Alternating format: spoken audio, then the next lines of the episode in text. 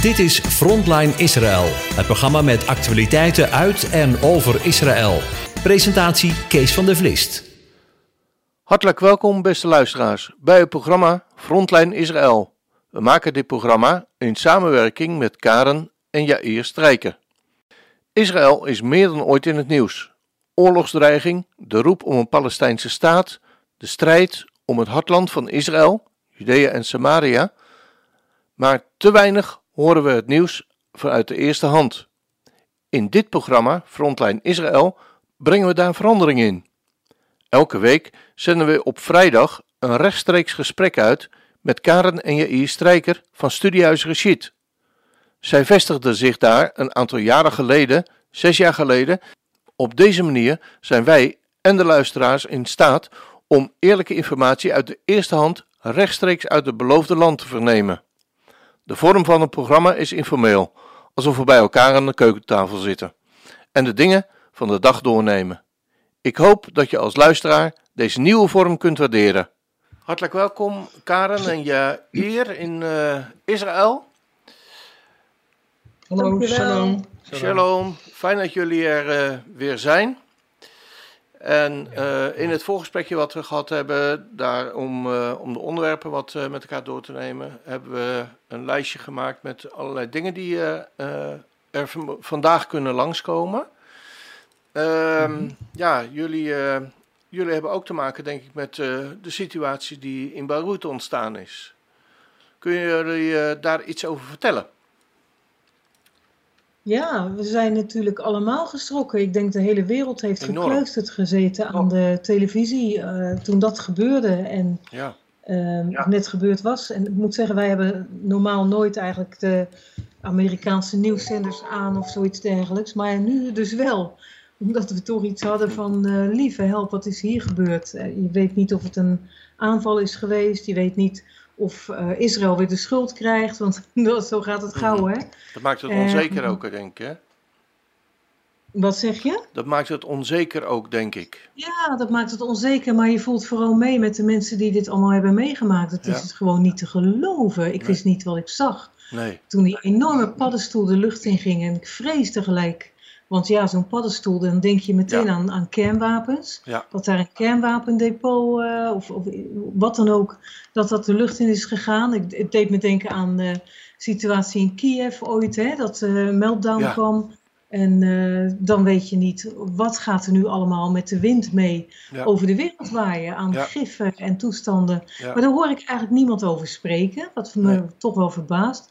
En dan blijkt het dat het dus een soort uh, ammoniumnitraat is, wat meteen vervliegt. Mhm. Ik denk dat we dan nog van geluk mogen spreken. ja. Ehm, ja, en dan mensen die horen een kleine knal, want er was iets blijkbaar wat ernaast in brand vloog, wat ontplofte. Mhm. Wat doet men? Men loopt naar het raam om te kijken wat is er Ja. nu en dan volgt de grote knal. Enorm, hè? Ja, wij hebben een, een nichtje in Nederland en die is getrouwd met een Libanees. Die Mhm. woont daar overigens niet hoor, maar Mhm. eh, zijn neef is omgekomen. Oh. En dan komt het wel dichtbij. Ja. Dat is wel eh, ja, echt verdrietig. En er zijn natuurlijk heel veel mensen eh, dood of vermist, zoveel gewonden. Ehm, ja, en dan Israël, die biedt hulp aan. Mhm. En eerlijk gezegd hadden wij al iets van, nou, we zullen zien wat ze gaan zeggen in Libanon. En Ja. inderdaad, men zei van Israël hoeven wij geen hulp. Eigenlijk werd er niet zozeer iets gezegd. Er werd gewoon niet geantwoord op de officiële vraag om eh, artsen te sturen en dergelijke. Ja. Eh, en dan lees je op, op de sociale media dat mensen zeggen: Nou, ik ga liever dood dan dat ik me door Israël laat helpen.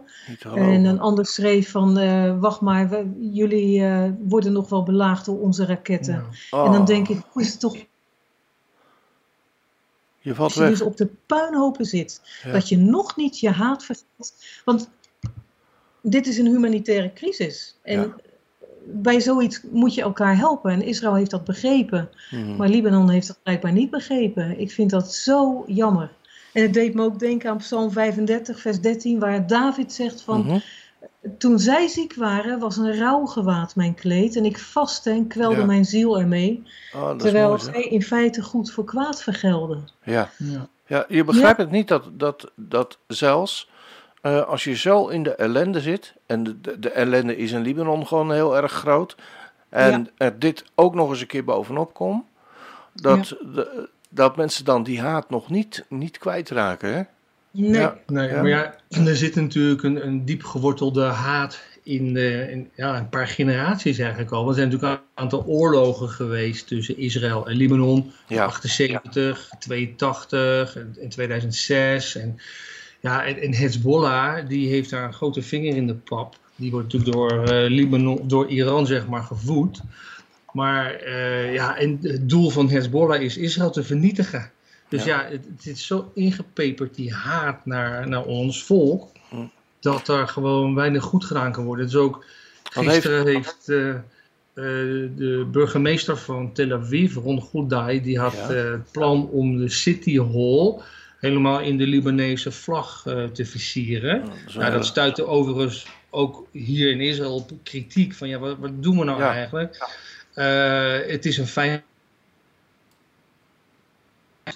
Natuurlijk helpen we wel, willen wel helpen, maar gaat dit niet een stap te ver om te zwaaien zeg maar, met een vijandige vlag? En, en, ehm, maar goed, dus dat is toch gedaan. We zagen het vanmorgen ook op CNN. En denk, ja, doet misschien ook een heleboel goed. Kijk, Israël wil helpen. Maar het, het zette juist, eh, zoals we in de media nu terugkrijgen vanochtend, van heel veel kwaad bloed bij eh, Arabieren en, en Arabische landen. Van, eh, Zelfs daar doe je dus, Totaal niet gewaardeerd. Nee. Ja, want zelfs daar doe je dus blijkbaar geen goed aan.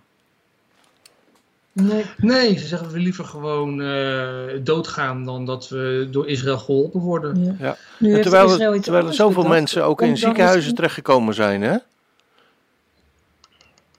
Ik, ik zei, terwijl er ook zoveel mensen, meer dan 5000 gewonden, in ziekenhuizen terechtgekomen zijn. Ja, precies. En, Ja. en dat is eigenlijk het antwoord van Israël om dan misschien uit te wijken naar Cyprus en daar een artsenpost op te zetten, Ja, zodat mensen in ieder geval daar naartoe kunnen, zodat eh, Israëlische artsen niet op Libanees grondgebied eh, hoeven te zijn. Ach. Maar ja, dat is natuurlijk wel toch ver weg. Ja. En eh, ja, je wilt toch je hulp aanbieden. Ik denk bij dit soort dingen, en dat denkt Israël dus ook, zet je verschillen nu even aan de kant en help die 4000 mensen ja. en meer.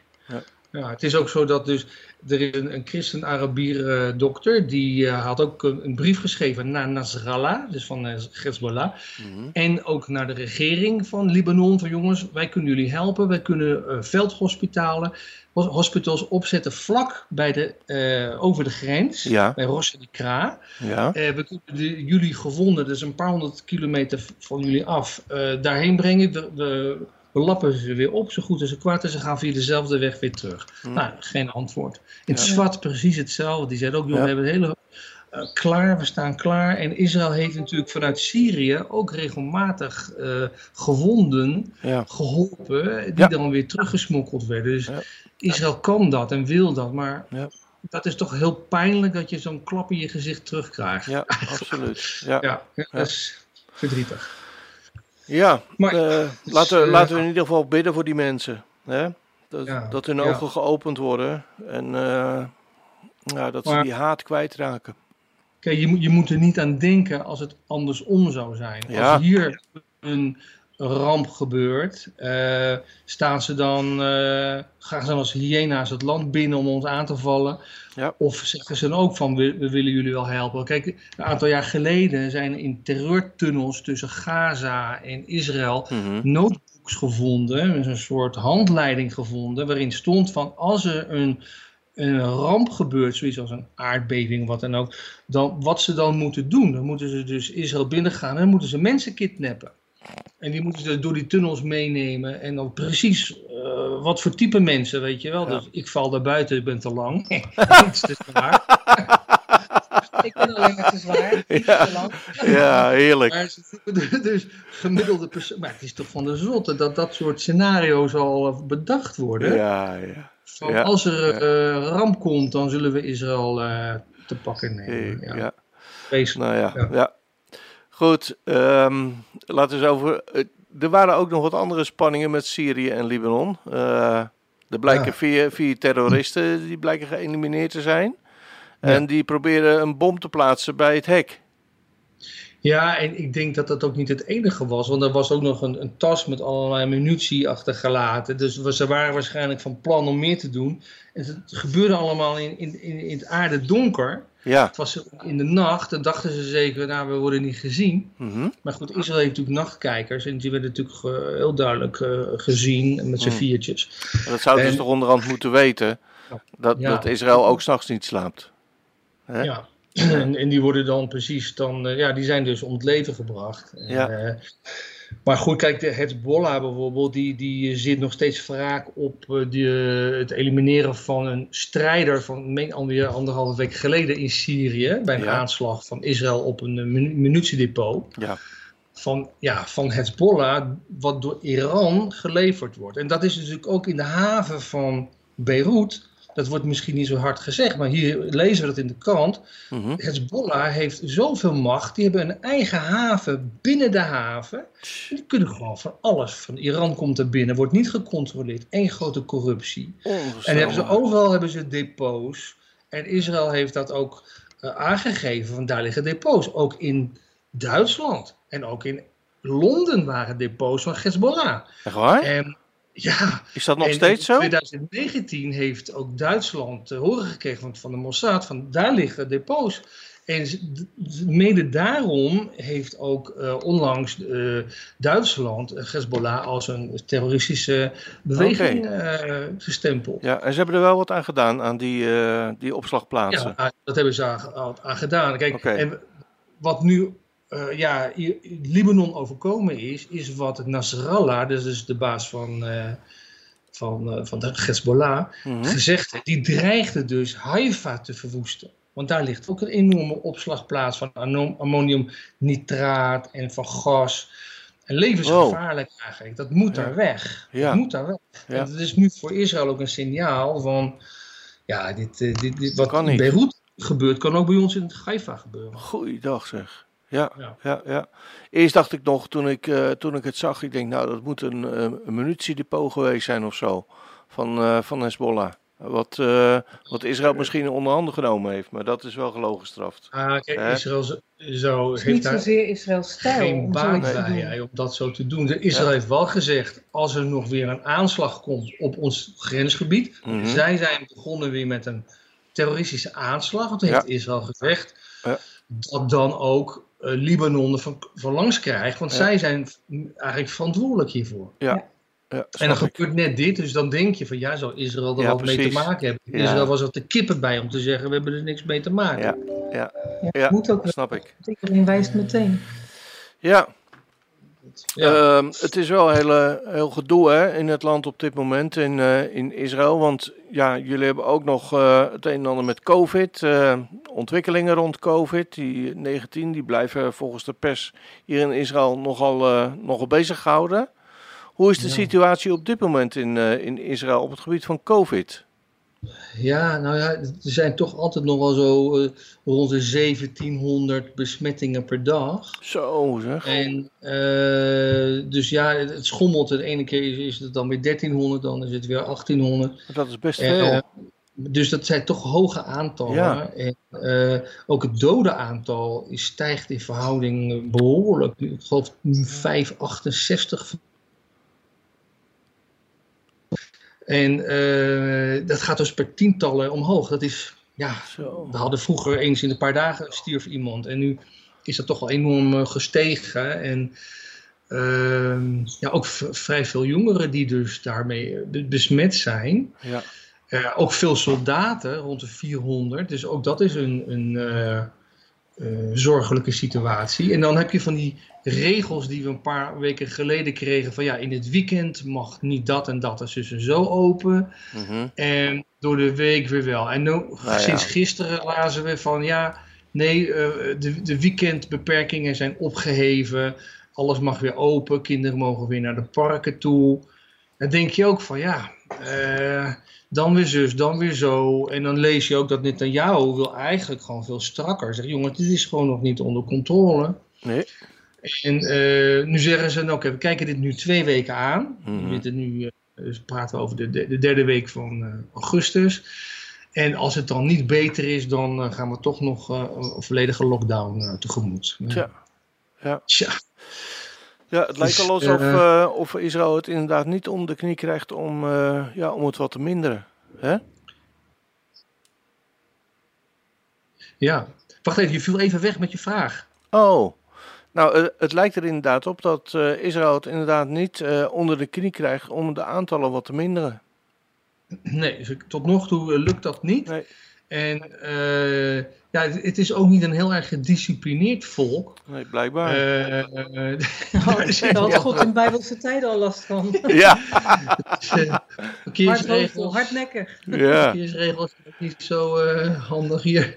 ja, Iedereen doet toch een beetje wat hij wil, maar ehm, ja, die- met die mondkapjes elke dag uh, weer wel honderden boetes omdat mensen, mensen geen mondkapjes dragen en zo. ja. Maar het leger is Eh, nu ook ingeroepen hè? Met, eh, om, om de strijd aan te gaan met, eh, met COVID. Ja, Begreep ik. dat, zij, dat zij ook nu met, in de teststraten werken en dergelijke. Klopt dat?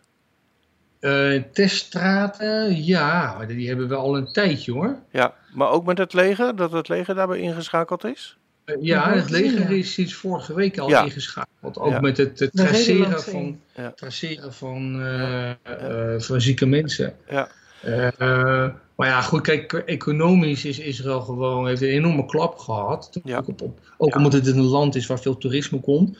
Maar mensen willen ook trouwen en die trouwzalen zijn al vijf.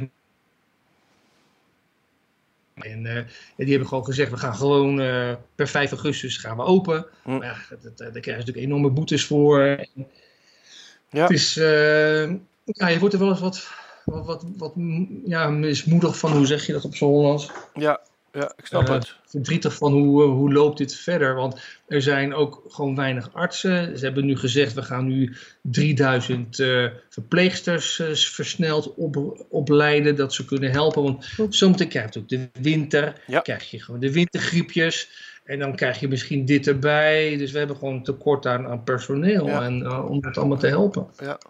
Ja. Allemaal geen, eh, geen vrolijke onderwerpen eh, eh, om Nee, met elkaar te bespreken. Hè? Nee. Ja, nee. Nou, het is niet anders. er, is, er is ook nog wel één leuk onderwerpje van de week geweest. Oké. Dat, is iets heel, dat is heel iets anders. Kijk, vorige week donderdag was Ja. het de Tisha B'Av. Hè? Dat Ja. was dus Ja, een hele verdrietige dag. ja. Maar gisteren, dus woensdag, dan was het de vijftiende van de, van de Aaf maand. ja. En dat heet Toe, toe Be'Av. Dat is Tet Waaf. Dat is 15 in het opgeteld in het Hebreeuws. Dus een volle maan. En dat is eigenlijk een soort eh, dag waarop eh, jongeren elkaar eh, kunnen ontmoeten om eventueel potentiële huwelijken te gaan sluiten. Ah. En? dat is wel een mooie, Een van de kinderen- mooie geschiedenis. Want ik weet niet of je dat verhaal kent van ja, de, de stammen. eh, tien stammenrijk en de twee stammenrijk. Dat Benjamin op een gegeven moment een, een, een heel schandalig ja, handelingen heeft verricht door een, een, een priester eh, die met twee vrouwen was. Een een van die meisjes Ah, ja. helemaal eh, ja, te verkrachten tot ze stierf. En die Zo. priester die eh, heeft toen gezegd van eh, kijk dit heeft Benjamin gedaan. kwam er een oorlog met Benjamin Mhm. tussen de andere stammen. En Benjamin was bijna gewoon weg. Er waren nog maar een paar honderd mensen over. Mhm. En toen hebben ze gezegd van ja, wij- laten onze vrouwen, mannen niet, eh, vrouwen geven we niet aan de Benjamieten. Want dat hebben we beloofd. Het is Ja. een oorlog met Benjamin. En toen zei ja, maar we kunnen die stam toch niet laten verloren gaan. En toen eh, hebben ze in Shiloh, eh, dat was toen ook het tabernakel, gezegd Mhm. oké, dan doen we op de vijftiende van de Aaf. Zo is dat in de geschiedenis Ah. dan verder gegaan. Eh, dus dan mogen die mannen komen en dan eh, komen alle de meisjes van Israël en dan mogen Ja. ze er zelf eens schaken. Wauw. ja, En, en zo is het eigenlijk gegaan. Dus ieder jaar, in, eh, ook gisteren dan in Ja. eh, Shiloh, heb je dus Mhm. dat, dat vrijgezellenfeest. Ja. Vooral voor in de orthodoxe sfeer is dat. Maar dat ja. Oké. heeft wel een hele oude, een soort Ja. eh, bijbelse Valentine, maar Ja. dan een kosher. Ja, ja. ja. ja. De, de kinderen van jou, die ben je gisteren kwijt geweest? Baruch Hashem van niet. ja, je weet het niet. Ja, misschien eh, dat zij ook geschaakt zijn of niet. Jong, hè. Eentje is 16, ander is Ja. 15. Maar ja, Nou ja. daar zijn we allebei wel eh, eh, ja, ze zijn allebei hele knappers. Ah, ja, nou, heb je het al. Ja, we moeten wel eh, met een Uzi in de tuin gaan zitten, zo Ah. langzamerhand. we hebben veel Niet- aandacht. Niet schieten Ja. hoor, dat is heel ongezond. Ja, mooie blonde kinderen Ja. in, in Ja. samenleving waar iedereen toch, of vrijwel iedereen donker is. Ja, Ja. ja val eens Eh, op hè. genieten aandacht, zullen Ja, we maar zeggen. we waren een dagje op het strand. Aha. Eh, heel veel Arabieren, want die hadden daar denk ik ook een, ja, ja, eh, ook- ook een feest. En, eh, ja, en de Arabische vrouwen gaan natuurlijk helemaal met kleding en al het water in. Aha. Maar ja, Europese vrouwen niet. Dus Nee. ja, Rut, ja, is een- echt een mooie vrouw. Mhm. Nou ja, het was niet leuk. Het was niet leuk Nee. voor haar. Oké. Maar ja, goed, ze had Eh, waarschijnlijk een hele grote vader bij zich. Nou, Ja. toevallig was de moeder bij de, Ah. dit keer. Die is erger, pas maar op. Ja, ja precies. Ja, goed in de gaten blijven houden. Je, je- je woont in het Midden-Oosten en dan moet je gewoon inderdaad je dochter eh, wel beschermen. Daarvan, ja. Ja. Maar goed, dat moet u hier in Nederland ook. Maar goed, ik heb mijn, een van mijn Ja. dochters, die heb ik verkocht voor een paar kamelen. Dus dat ging, eh, Oh, dat ging goed. hoeveel? Ja, ja, twee. Maar het waren wel erg klein, moet ik zeggen. Dus ik neem mijn schoonzoon nog steeds, eh, nog steeds kwalijk dat hij maar zo weinig over had voor haar. Ja, Ja, ja. En ze heet ook Rut. Oh. Dus, kijk. ja. Kijk, dat is de naam, hè? weet je Ja. wat dat betekent, Rut? ja, dat weet ik wel, maar ik ben het nu kwijt. Help Oh. even. Help! Het betekent eigenlijk vriendin. Ja, vriendin. En ja, als je Ja. kijkt naar de, de geschiedenis van Rut Mhm. was aan haar schoonmoeder. Ja. Dat is gewoon zo mooi. Ja, Ja. dus, eh, Prachtige naam. ja, Eh, niet zozeer in klank, vind ik, maar bovenal in betekenis. ja. En wij zien onze Rut dan, die leeft dat ook uit. Ik vind het zo mooi dat je, eh, vaak ben je je naam. Hè? Of je wordt erop aangevallen, dat kan Mhm. Ja. ook nog. ja. Maar als wij zien naar Rut, hoe zij haar vrienden helpt, hoe ze altijd klaar staat voor een ander, dan is zij echt een vriendin. Dat vind ik wel heel mooi. En dat zullen jullie aan jullie dochter waarschijnlijk ook merken. ja, ja, het is heel mooi om, om, eh, ja, om dat in je eigen kinderen terug te vinden. Hè? Ja. ja. Hey, ehm, nog één onderwerpje voor, Ja. eh, voor, voor een lied. Ehm, dat is ook niet echt een heel vrolijk onderwerp, maar nou ja, protesteren kunnen jullie daar ook wel in, eh, in, in Israël. Hè? Want er zijn heel veel anti-Netanyahu-beweging, die, eh, die blijft maar groeien. Ja. ja, vorige week hadden we het erover dat, dat, dat je hier zei van ja, de, de geest leek wel uit de fles te zijn. In Jeruzalem en daarbuiten hebben zaterdagavond eh, tienduizenden mensen opnieuw gedemonstreerd tegen de Israëlische premier eh, en Ja. zijn coronabeleid. Nou, de protestgolf die lijkt, er- gaat ermee wel, eh, nou ja, eh, nu alweer een derde week in. Maar we horen Ja. eigenlijk niet meer zoveel van. Ehm, is dat een beetje ingezakt op dit moment? L- lijkt het wel op. Ja. Dat het gewoon. Ja. Kijk, het is er nog wel, maar het is niet zo dat daar nu gewoon het nieuws door beheerd wordt en ehm, beheerst wordt. Het is afgelopen eh, zaterdag was dus toch een enorme demonstratie Ja, van over de 30.000. En eh, er waren ook weer allemaal ongeregeldheden en ja, arrestaties. En, eh, maar het is niet week door is gegaan, wat dus de weken daarvoor wel Nee. was. oké. Dus dat maar ik denk dat is het vooral moment een beetje rustig. Tot de, tot de zaterdagavond. Maar het is, nog lang niet, het is nog lang niet voorbij. Het is, eh, Nee. die, eh, die weerstand is er. Maar het, het wordt wel steeds duidelijker ook een, een reactie van typisch linkspolitiek. Politiek Ah, links gebeuren. Ja, Eh, Israël die heeft deze week ook gelden gegeven aan families. Dat heeft Mhm. ook een beetje geholpen. Eh, kleine bedrijven gaan eh, toelages krijgen ja. En ook wel iets meer hun mond. Hè, dus er, er wordt wel wat aan gedaan. Eh, of het genoeg is, kan ik niet zeggen. Nee. Maar eh, ja, die demonstraties, dat is niet meer zo fel als eh, Nee. waar we vorige week over hadden. Ah, Oké, dat is in ieder geval een betere ontwikkeling dan op dit moment. Hè? Ja, Ja. ja, ja. Ja. ja. Ja. Ehm, nou, gisteren eh, hadden we het er ook eens eventjes over. Oh nee, dat was vorige week. De Ghost, als ik het goed zeg, gevechtsunit.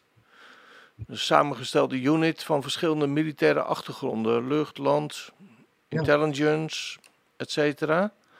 Eh, kun je Ja. daar misschien nog iets over vertellen? voor de luisteraars? Want daar horen we niet zoveel van. Het heet, het, heet niet, het, het heet niet voor niks een ghost unit. Dus er wordt Ja. ook een beetje Ja, eh vaak over gedaan. Maar wat, wat ze er zo over verteld hebben en geschreven hebben, is dus dat er dus verschillende eh, divisies van, hè, ehm, van onderdelen binnen het leger bij elkaar geclusterd zijn. ja. Dus dat, dat zowel eh, dus de, de aerial, dus de, de luchtmacht, als de landmacht, Mhm. om eh, bepaalde doelen uit te schakelen. En eerst was dat eigenlijk ja, was niet zo'n hele goede coördinatie tussen die, die verschillende units. En dat Mhm. is dus nu een, ja, een soort nieuwe unit binnen, binnen het leger, die dit eerder nog niet was. Mhm. Als een soort elitegroep. Die, die op heel veel gebied ingezet kan worden. Dus die jongens die weten zo, zo meteen van alles wat af. Oké. Dus ehm, ja, dat noemen ze dan een ghost eh, eh, unit. Ja.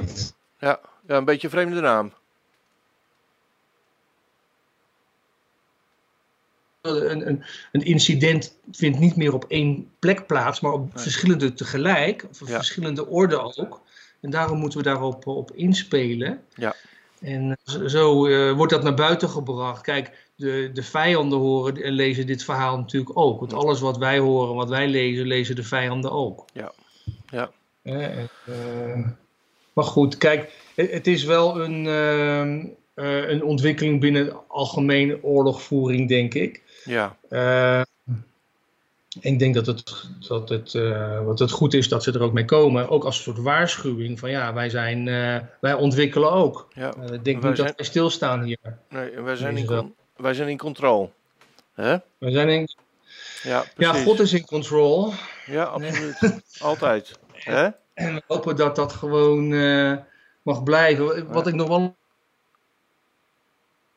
een puntje vind, is Mhm. dat we hebben natuurlijk ook veel hommeles met Syrië, Mhm. met, eh, vanuit de Golan. Mhm. Maar dat er dus nu ook een, een groepering zich aan het ontwikkelen is. En het is een, eh, een Arabische groepering. En het heet ook de Go- Goran Army. Bl- Blijkbaar Mm. nog een oude Bijbelse naam ook. Ja, ja. En die, die is eh, anti-Iran en anti het leger ook van, van Assad. Ja. En die staan onder de leiding, leiding van een rebelleider Ahmed, eh, Ahmed al-Ouda heet die geloof ik. Die man. En ja, heel veel van zijn soldaten zijn ook, die, die gewond waren, zijn ook in Israël eh, behandeld. En zij fungeren eigenlijk een beetje als een soort eh, buffer. En ze worden ook door dus dat is eigenlijk een, een, een, ja, wel een positieve ontwikkeling, Ja. lijkt het zo. Ja. Het zijn dus soldaten die wel lokaal zijn, maar door Rusland gesteund. Oké.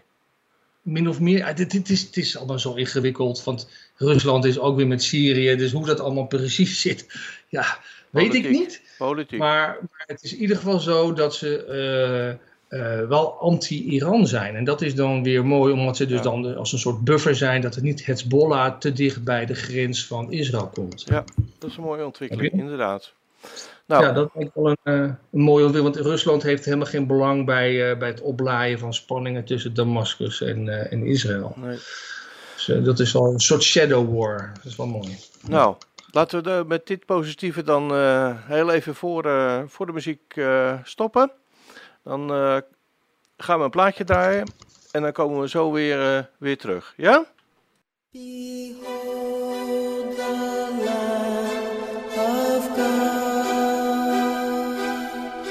who has borne the sin of the world.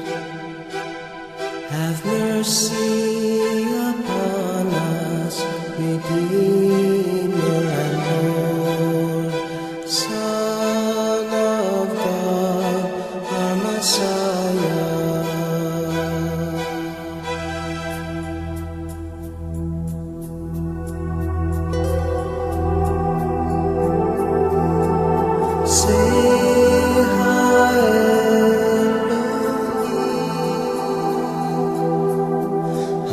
say.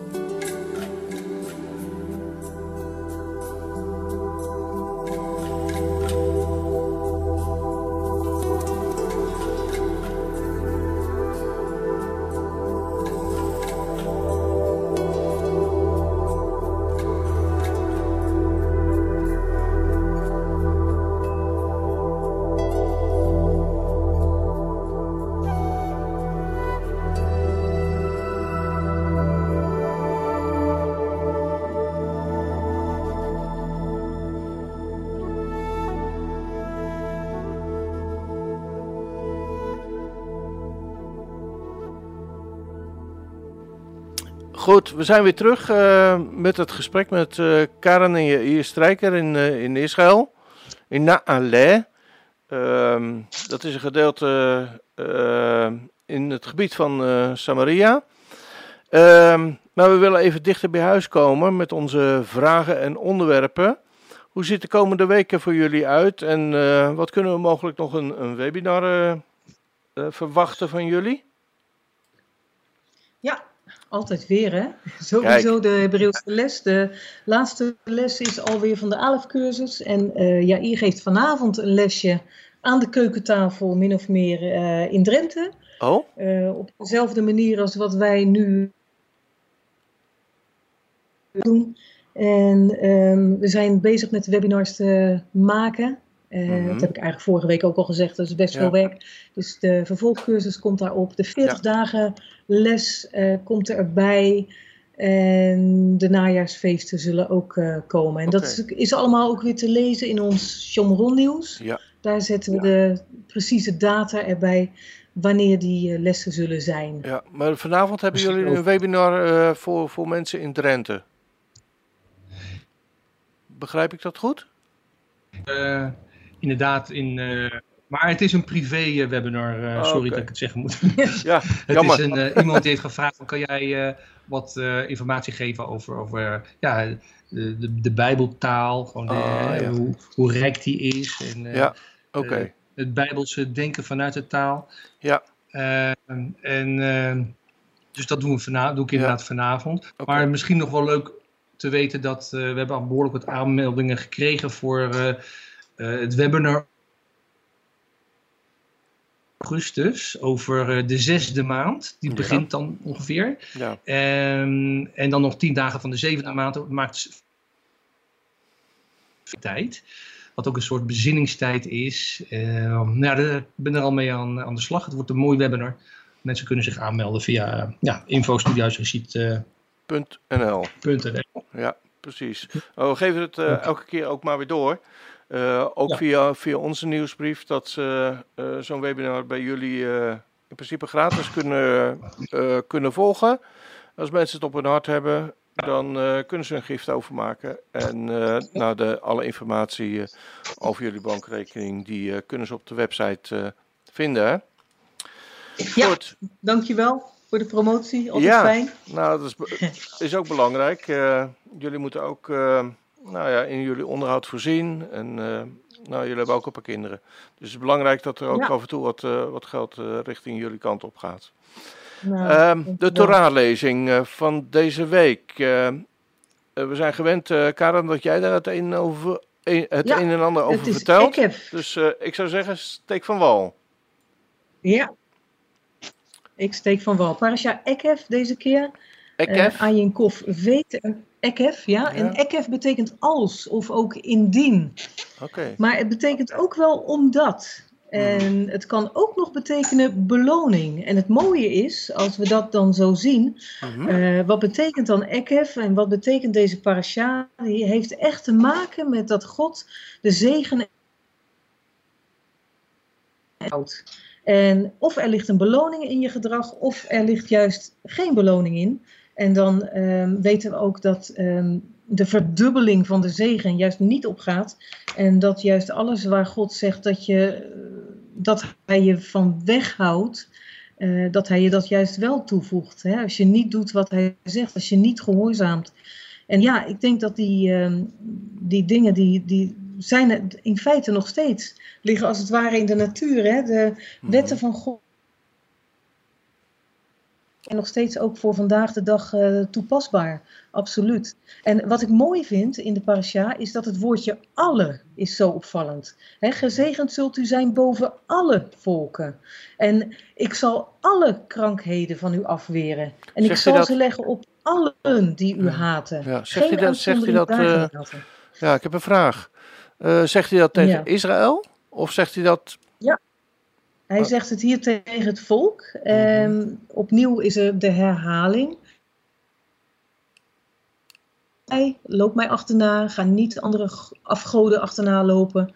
Eh, en als je doet wat ik zeg, als je mij gehoorzaamt, dan zul je zo gezegend zijn. En dan komt dat verhaal met allen. En dat vind ik zo mooi aan God. Ehm, ja, dat, het is niet zeg maar toevallig of een beetje. Nee, het is, de zegen is ook werkelijk helemaal totaal. Ja. En dan eh, maand God ook in dat eerste hoofdstuk van wees niet angstig, want hij is. Ontzet u niet voor hun aangezicht, want de aanwezige JHWH, uw God, is in het midden van u een groot en vreselijk God, zegt hij dan in eh, Deuteronomium 7, vers 21. Ja. En, eh, Daar ligt natuurlijk een geweldige belofte in hè, voor, eh, voor Israël. Ja, precies. Van Ja. wat er ook gebeurt, wees niet bang. Hè? Wees ook niet bang voor zo'n Libanon die zegt: Ja, we zullen jullie wel even met onze raketten en dit en dat. Hè? Terwijl ze op de puinhopen zitten, hebben ze nog zulke grote woorden. En, maar wij hoeven niet bang te zijn. Met ons. Zo is het gewoon. Ja. En hij blijft God. En eh, niet omdat wij zo goed zijn hier in Israël, nee, maar omdat God goed is. Omdat hij gewoon niet van zijn beloftes terugkomt. Ja. En dat vind ik zo mooi. Ja. Wat ik apart vind, in hoofdstuk 8 is het opvallend dat God hè, een aantal dingen opzomt tijdens die 40 jaar lange woestijntocht. En dat er zelfs ook honger is geleden. En is het dan niet apart dat Eh, er is enerzijds het wonder van de kleding die niet versleet, Ja. van de schoenen, de voeten die niet opzwollen, maar dat God wel zegt, maar je had honger en toen heb ik je manna gegeven. Ja, en waarom is dat dan? Want dan had God die zoveel wonderen zit ook kunnen zorgen dat ze geen honger hadden. Maar nee, het was als het ware als een test. Dat God manna gaf. En ehm, de boodschap erbij dat men dus niet leeft van brood alleen, maar van alles wat uit de mond des Heren uitgaat. En dat vind ik dan weer zo mooi hoe God dat doet. En dan staat er ook dat God straft zo zijn zoon straft. En wat bijzonder is, het woord voor straffen is hier het woord yassar. En dat betekent ook waarschuwen en het betekent ook vermanen. En het bijzondere is dat dit werkwoord heeft verband met het werkwoord yassaf. En daarvan is de naam Jozef afgeleid, Ah. Jozef. En wat zo bijzonder is, dat herhalen, eh, dat yassaf, ehm, dat betekent eigenlijk opnieuw doen toevoegen of doorgaan. En dat is ook wat Jozef zijn naam als het ware betekende. Hij voegde toe in de hongersnood Ja. en hij voegde ook toe aan zijn broers. Ze- en zo is het ook met waarschuwingen, die moeten ook steeds toegevoegd worden. Hè? Dus dan zie je ook het woordverband tussen eh, Yassar en Yassaf. Die waarschuwingen moeten steeds toegevoegd worden, moeten herhaald worden. En dat zien we ook bij onze eigen kinderen. Je moet steeds weer de waarschuwingen herhalen. Ehm, en dat doet God hier ook. En als we dan kijken ook naar van Jozef, die ook steeds toevoegde, hij werd dus ook gestraft. Hij wordt in een put gegooid. Hij Ja. wordt als slaaf verhandeld en tot overmaat van ramp komt hij ook nog eens onschuldig in de gevangenis terecht. Alsof dat geen straffen zijn. En is het niet wonderlijk dat juist daaruit wordt hij degene die toevoegt? We moeten eerst blijkbaar ja, vernederd worden, klein gemaakt worden, zodat we onze arrogantie afgeven en zien dat we dat niet nodig hebben, helemaal niet kunnen gebruiken. God machtig gebruiken. Dat Ja. vind ik zo geweldig aan, eh, aan zijn handelen. Ja, dat geldt natuurlijk voor, eh, ja, Ja, voor, voor, voor Israël. Eh, maar dat Ja. geldt denk ik ook voor ons eigen persoonlijk leven. Voor onze eigen levens, absoluut. Absoluut. Elke keer weer toch afleggen van, ja, van het oude. Ja, het is niet fijn hoor. Nee, nee, ik Nee. weet er alles van. Oh. Ja, nee, ik dacht, dat, ik dacht, dat, ik dacht dat. Ja, ik de enige was. Ja, ja, soms denk ik wel eens, Kees, je, je, je leert Ja, door dingen af te leren. Ja, Ja, dat klopt. ja en dat is, eh, dat is Ja. een, eh, een, een heel ja, pijnlijk, maar tegelijkertijd wel een heel genezend proces. Ja, dat is waar. Kijk, als het zelfs van Jehoshua, van, van onze Messias, gezegd wordt dat hij gehoorzaamheid geleerd heeft. Hoe is mogelijk? Hij was ja. dat toch al? Ja. En hij was toch al zonder zonde? En toch, als hij het nog heeft moeten leren, Hmm. hoeveel te meer? Ja. En is het niet zo dat juist zijn kwetsbaarheid aan het kruis, hè, naakt hangen aan een kruis, want ja, zo'n lendendoekje dat is er maar opgeschilderd in alle tekeningen en schilderijen, maar zo was dat natuurlijk niet. Hij is Hmm. ongelooflijk vernederd. Hè? Ja. En nu eh, is hij, heeft hij de hoogste kroon, zit hij op de hoogste troon. En ehm, wat moeten wij doen als we hem willen volgen? Dan moeten we afleggen, afleggen en nog eens afleggen. Ja, en Want- soms denk ik wel ja. eens, eh, Karen, soms denk ik wel eens, is het, is het leven van eh, Jezus, is dat ook niet gewoon, of van Joshua, zoals jullie eh, dat zeggen, is dat ook niet, niet hetzelfde als het leven van, of de geschiedenis van het volk Israël? Ja, zeker als we kijken naar Jozef, die, Ja, hè, die eh, klein gemaakt werd, die in de put kwam, die Ja. gehoorzaamheid moest leren en die brood uitdeelt aan zijn broers. Dat is ook wat Israël doet in feite. En wat Joshua doet in feite, is brood uitdelen aan zijn broers. Hij is de eerste, hij is de eersteling, hij is het levend brood. ja, En, en ook zijn volgelingen mogen dat als het ware, hè, we zijn zijn kinderen in feite. ja, maar zo is Israël natuurlijk denk ik ook, eh, hij is echt goed. ja, zo is Israël denk ik ook, ook, ook verbannen, net zoals Jozef.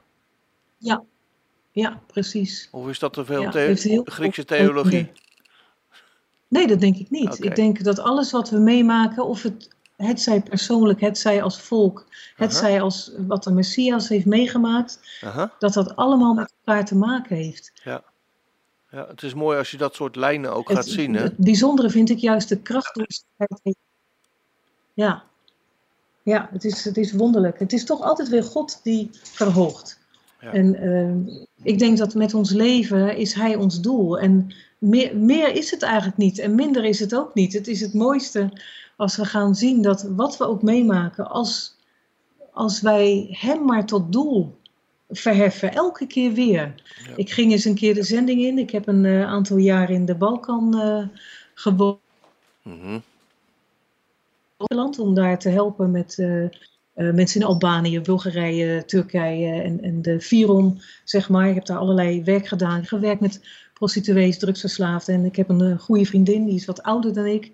Maar die zei ook, Karen, vergeet nooit dat je vastzit aan je roeper en niet aan je roeping. Ja, En dat ben ik nooit vergeten, want dat is zo waar. dat is een We diepe moeten gedachte. vastzitten aan hem. Ja, dat is mooi. Ik denk Ja. dat dat ook een, eh, een hele mooie gedachte is om eh, ja, deze, af de, af, eh, deze aflevering af te sluiten. Hè, dat, dat we in ieder geval weten dat ja, het doel van ons leven, dat het uiteindelijk is om, om hem te dienen. Hè? Zoals hij ons gediend heeft. Ja. Ja. Goed.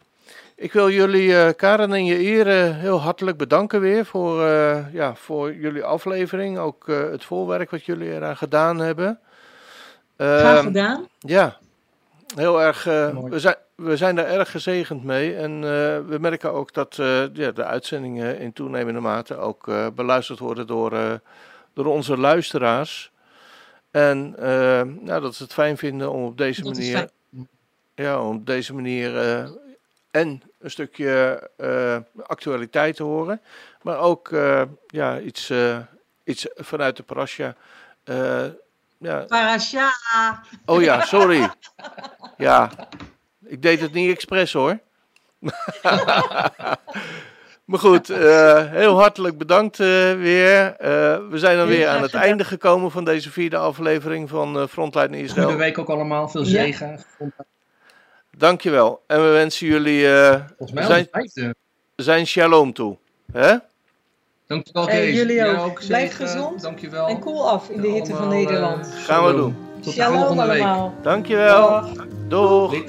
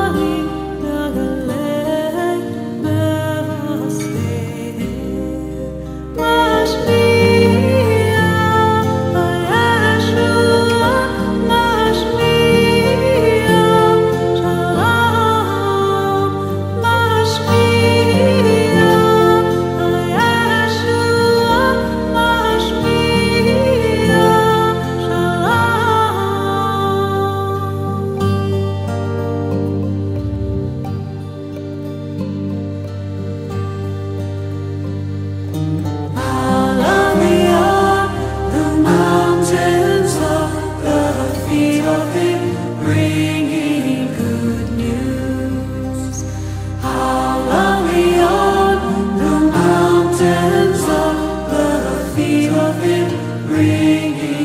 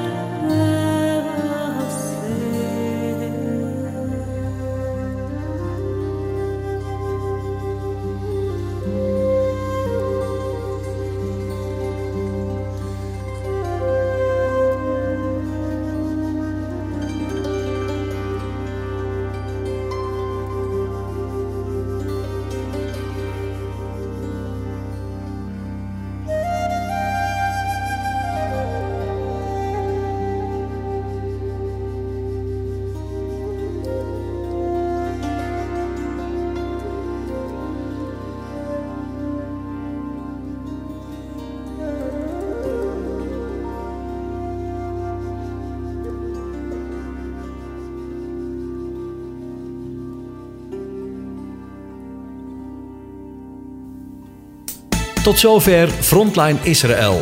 Het programma met actualiteiten uit en over Israël. Als u wilt reageren, dan kan dat. Stuur een mail naar reactie radioisrael.nl